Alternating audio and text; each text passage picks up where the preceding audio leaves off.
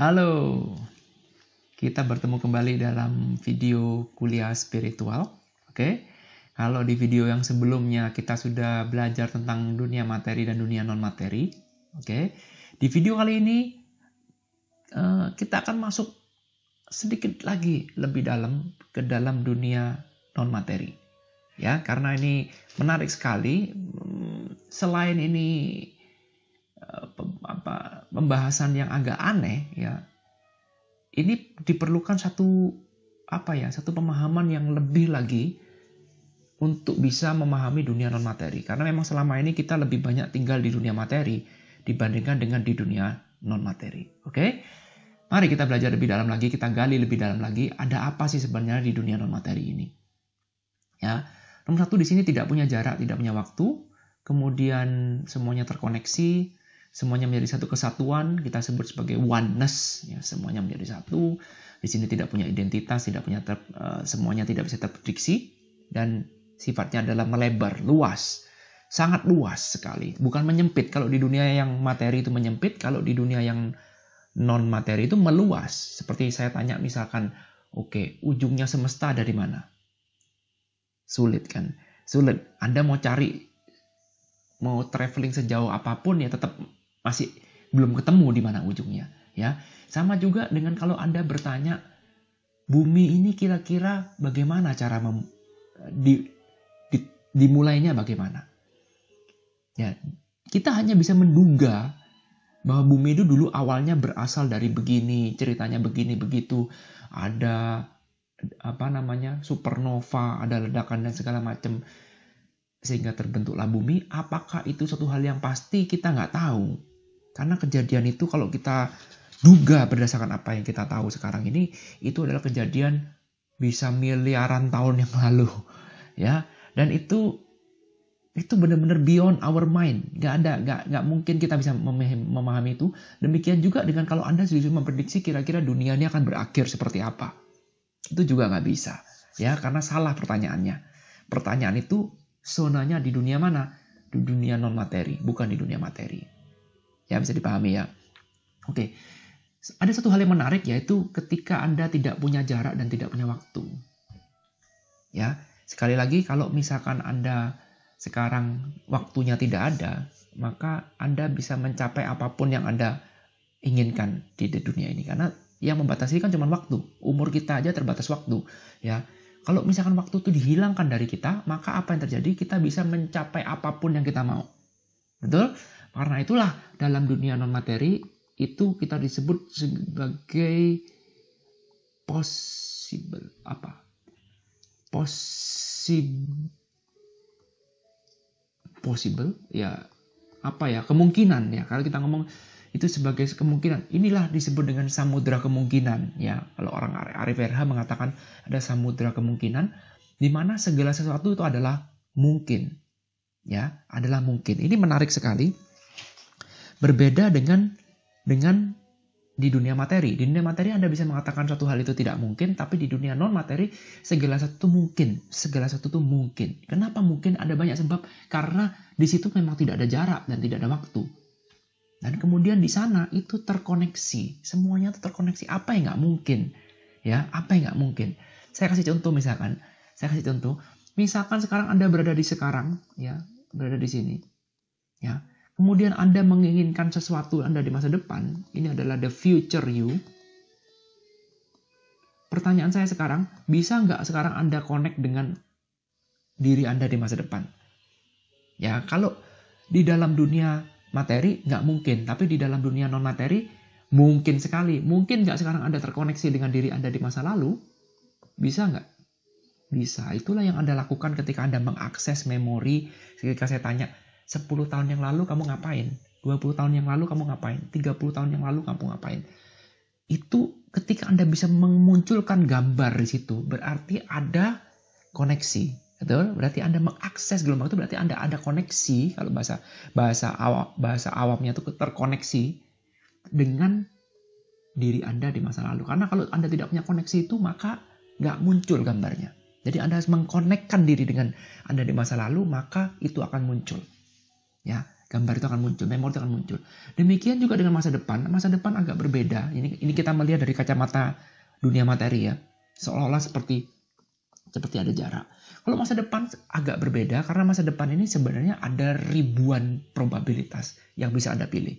Tinggal Anda mau milih yang mana, konekkan dengan yang itu, nanti akan akan menyesuaikan semuanya. Nanti kita akan bahas tentang itu. Oke? Okay? Nah, kemudian uh, apa lagi ya? Hmm,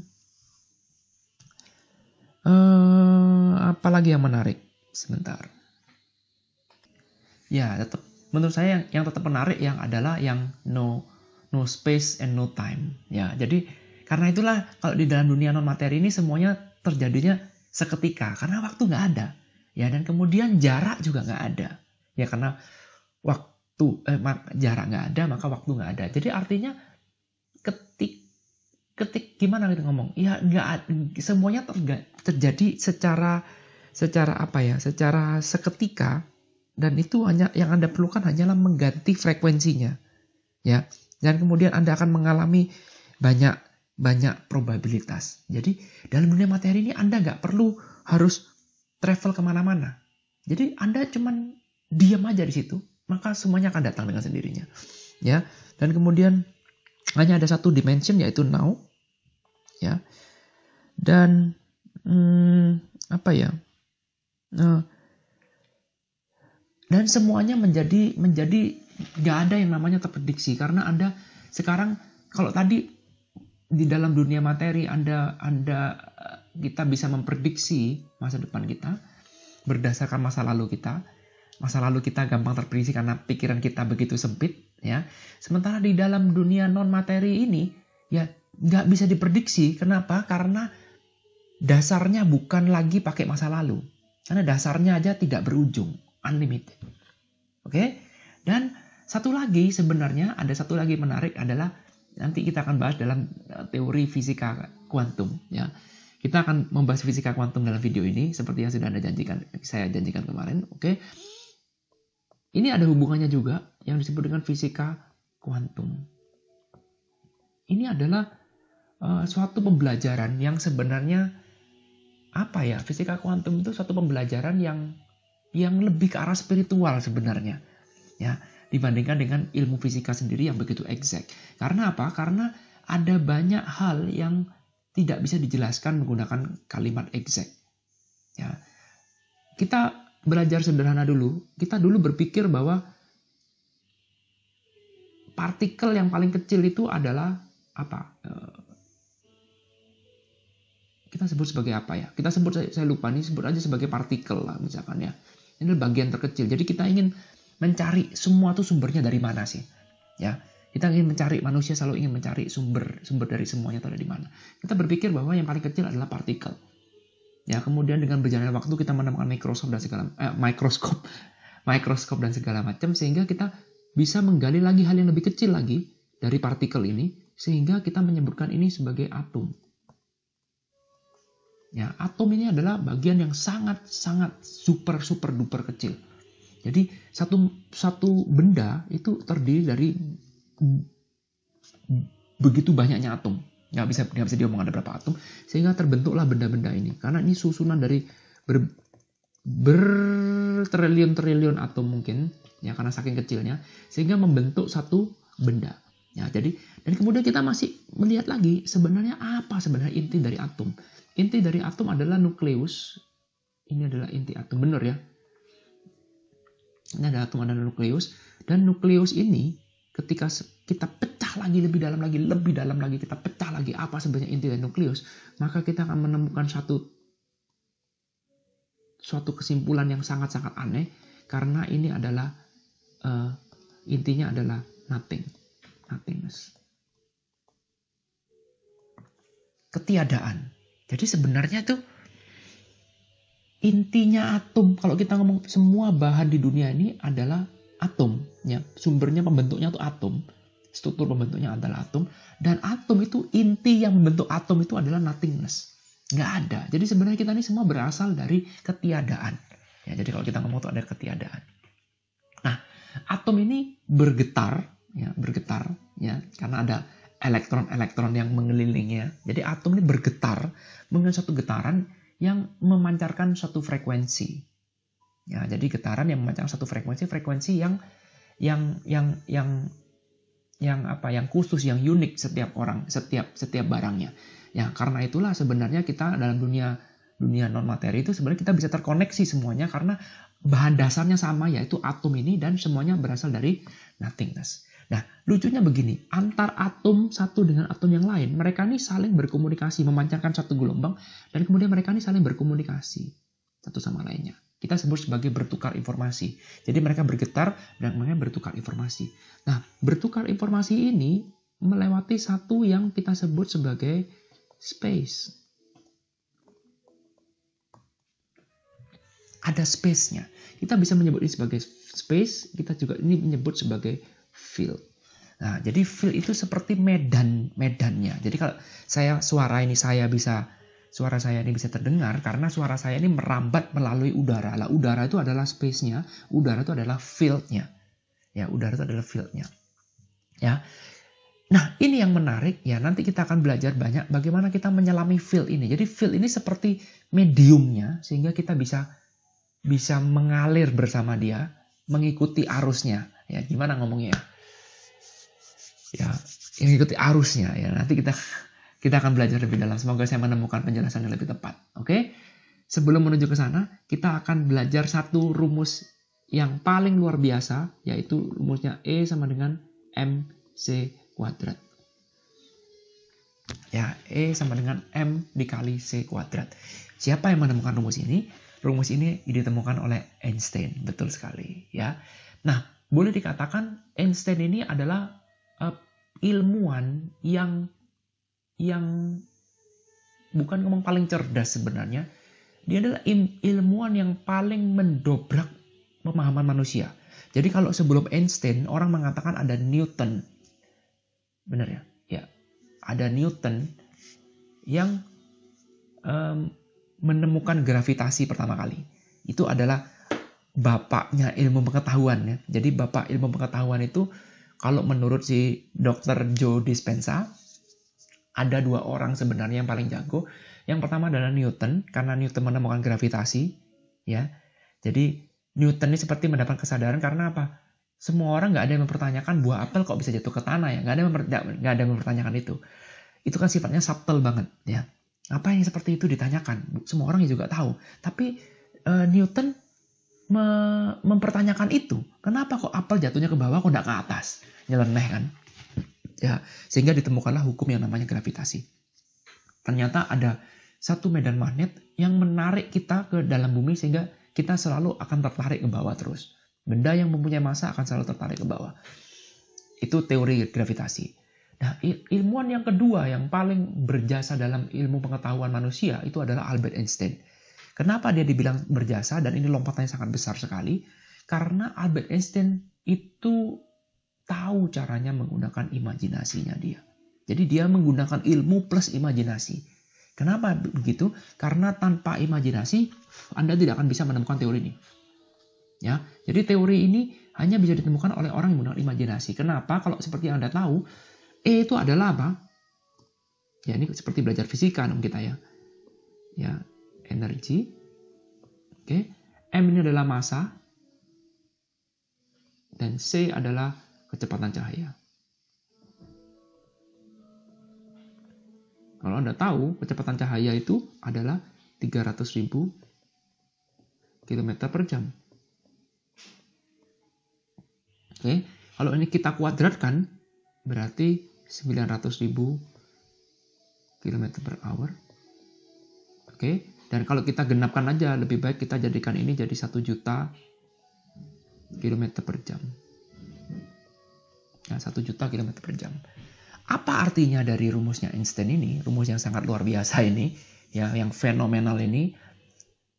Perhatikan di sini, ada C, ada faktor namanya C kuadrat. Ketika dulu saya belajar fisika saya paling nggak suka sama pelajaran fisika saya lebih suka kimia daripada fisika karena itulah saya kuliah ngambil teknik kimia bukan bukan ilmu fisika atau mipa fisika karena apa karena bagi saya fisika itu terlalu terlalu rumit ya bagi saya. Itu sulit sekali belajar ilmu fisika dan dan bagi saya pada saat itu tidak make sense sama sekali. Ilmu itu tidak make sense. Bagaimana kita mengukur satu gelombang elektromagnetik misalkan dalam magnet dan kemudian bagaimana cara menghitung ini dan itu saya nggak suka fisika pokoknya. Jadi ketika belajar fisika rumusnya Einstein ini ya pokoknya saya hafalin aja EMC kuadrat. Ya, baru-baru ini aja ketika saya belajar fisika kuantum, yang namanya fisika kuantum ada kata fisika lagi, dipelajarilah rumus tentang Einstein ini. Ya, rahasia di balik Einstein ini. Apa hebatnya? Nah, perhatikan di sini ada kecepatan cahaya. Jadi Einstein hidup itu tahun berapa? Tahun berapa Einstein hidup? Mungkin pada zamannya Einstein hidup itu nggak ada pesawat berkecepatan suara mungkin. Suara itu kecepatannya jauh lebih lambat dibandingkan dengan cahaya. Ya, bagaimana ada seorang yang belum pernah mengalami apa pun tentang kecepatan cahaya bisa mempunyai satu rumus di mana ada kecepatan cahaya dikuadratkan lagi. Bagaimana cara menghitungnya? Bagaimana cara cara cara cara uh, penelitiannya? Karena pada saat itu kan bagaimana caranya Anda bisa membawa benda ya dengan kecepatan cahaya? Karena apa? M ini adalah massa. Jadi Einstein itu menggunakan imajinasinya dia. Sehingga apa ya? Sehingga sekarang kita bisa mengetahui bahwa apabila ada sebuah benda yang mempunyai massa, jadi misalkan saya bawa pulpen ini, oke, okay, saya bawa pulpen ini, saya dorong pulpen ini dengan menggunakan roket, ya, sehingga dia bisa mencapai kecepatan satu juta US, eh, 1 juta US dollar. Ah, orang ekonomi. Oke, okay? sehingga dia bisa mencapai kecepatan 1 juta kilometer per hour. Apa yang terjadi dengan pulpen ini? Apa yang terjadi dengan pulpen ini? Yang terjadi dengan pulpen ini adalah pulpen ini berubah bentuk menjadi energi. Tuh? Ya. Jadi pulpen ini sudah tidak lagi berwujud sebagai materi. Oh my god, apalagi ini? Oke, sehingga bulpen ini kalau saya bawa lari 1 juta kilometer per jam, maka bulpen ini tidak tidak lagi berbentuk materi, tetapi dia akan berubah bentuk menjadi energi. Ya, jadi energi. Jadi artinya apa? Yang tadinya materi berubah menjadi non that's it. Ya, jadi karena itulah dunia non materi kalau kita bisa simpulkan ya ajaran kita yang pertama dunia kita bagi menjadi dua satu dunia materi dan satu dunia non materi bisa kita simpulkan bahwa dunia non materi kita sebut sebagai bisa dipahami? Sebagai energi dunia energi dan dunia materi. Oke dunia energi dan dunia materi. Ya di dalam energi dalam dunia non materi tidak ada materi. Tidak ada materi. Oke, jadi materi nggak ada di situ.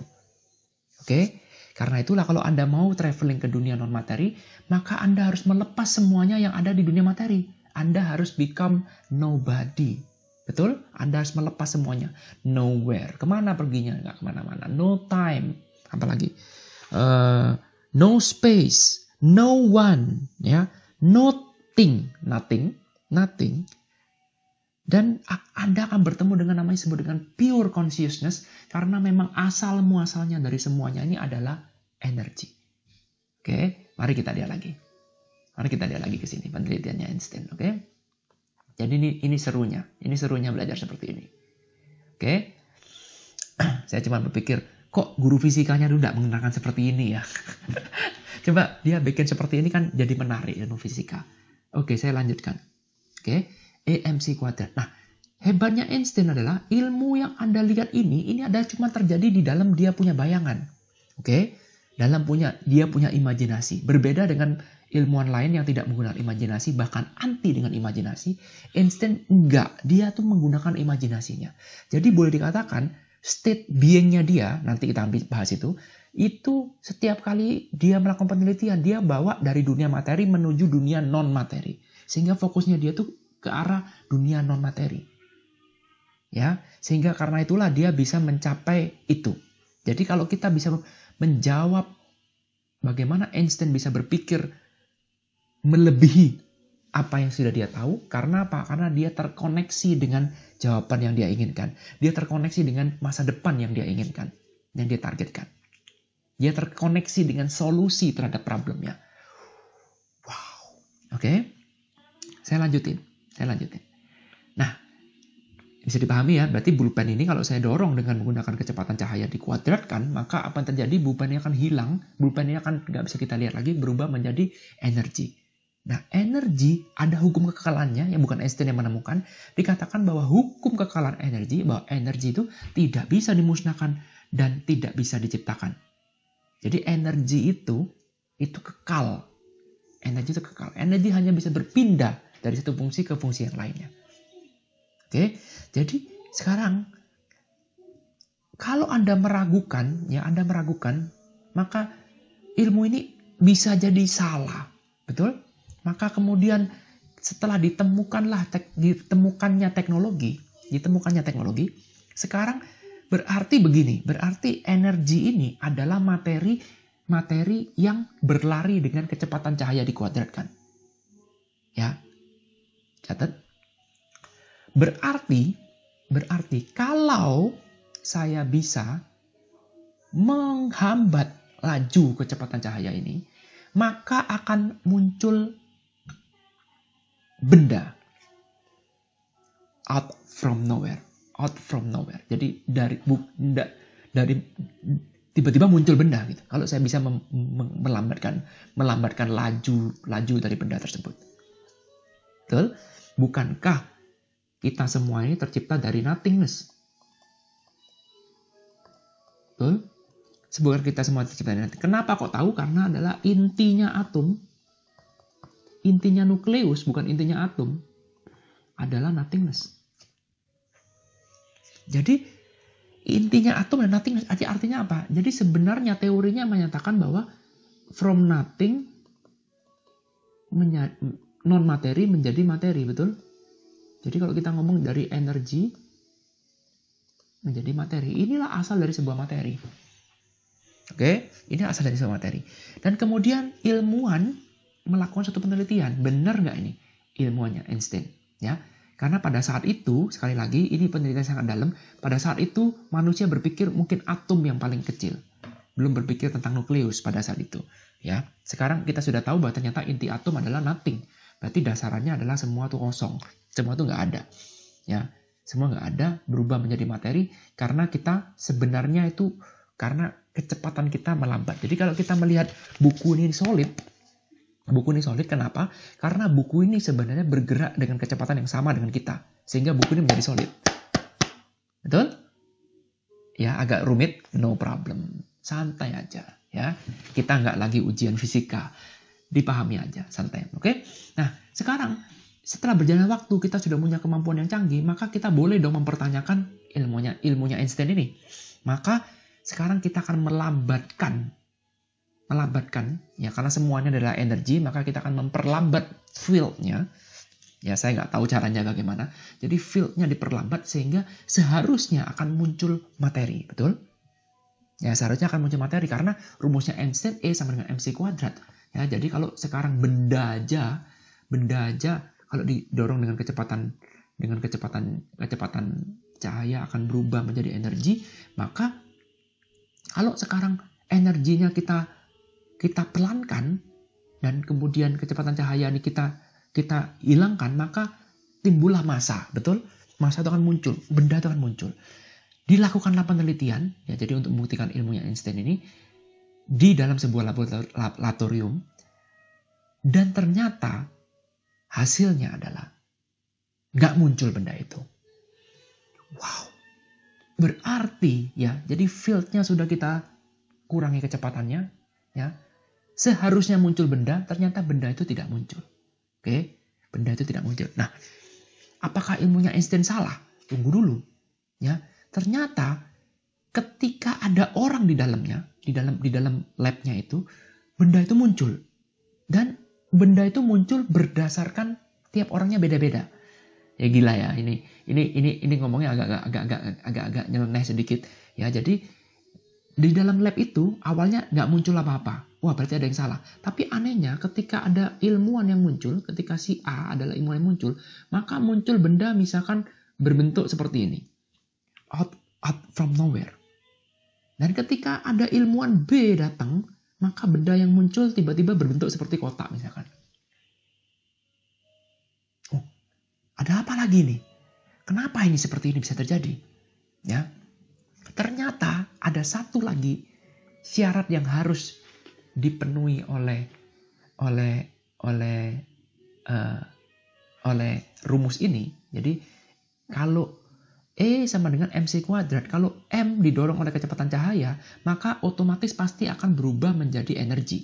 Tidak perlu syarat apa pun. Tetapi kalau dibalik, energi sekarang sudah ada, kemudian kita mau buat energi menjadi sebuah partikel, menjadi sebuah materi kecepatan cahaya sudah kita kurangin, sudah hilangin, sudah kita hentikan field itu, maka itu tidak bisa menjadi materi. Jadi energi untuk bisa menjadi materi itu tidak cukup dengan menghentikan cahaya, kecepatan cahaya. Nggak cukup, tetapi perlu satu lagi faktor yaitu adalah human ini yang gila bener.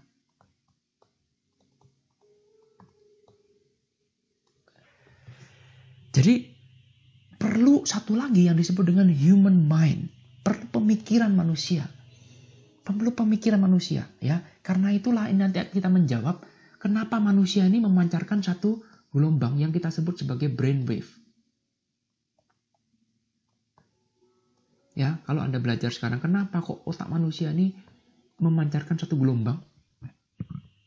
Ya, buat apa gunanya?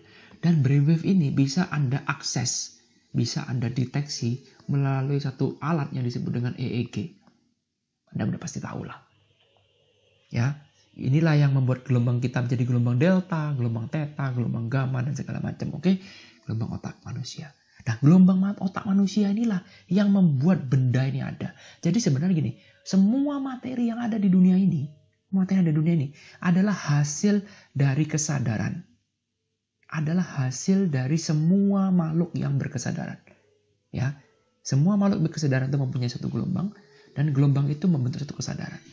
Oke, inilah pertanyaannya adalah kan bagaimana kalau misalkan ma semua makhluk hidup di dunia ini kita musnahkan semua, maka apa yang terjadi dengan bumi ini? Apa yang terjadi dengan planet Mars? Apa yang terjadi dengan matahari? Apa yang terjadi dengan tata surya kita? Apa yang terjadi? Oke, yang terjadi adalah Betul sekali. Agak sulit dicerna, oke, tapi diterima dulu.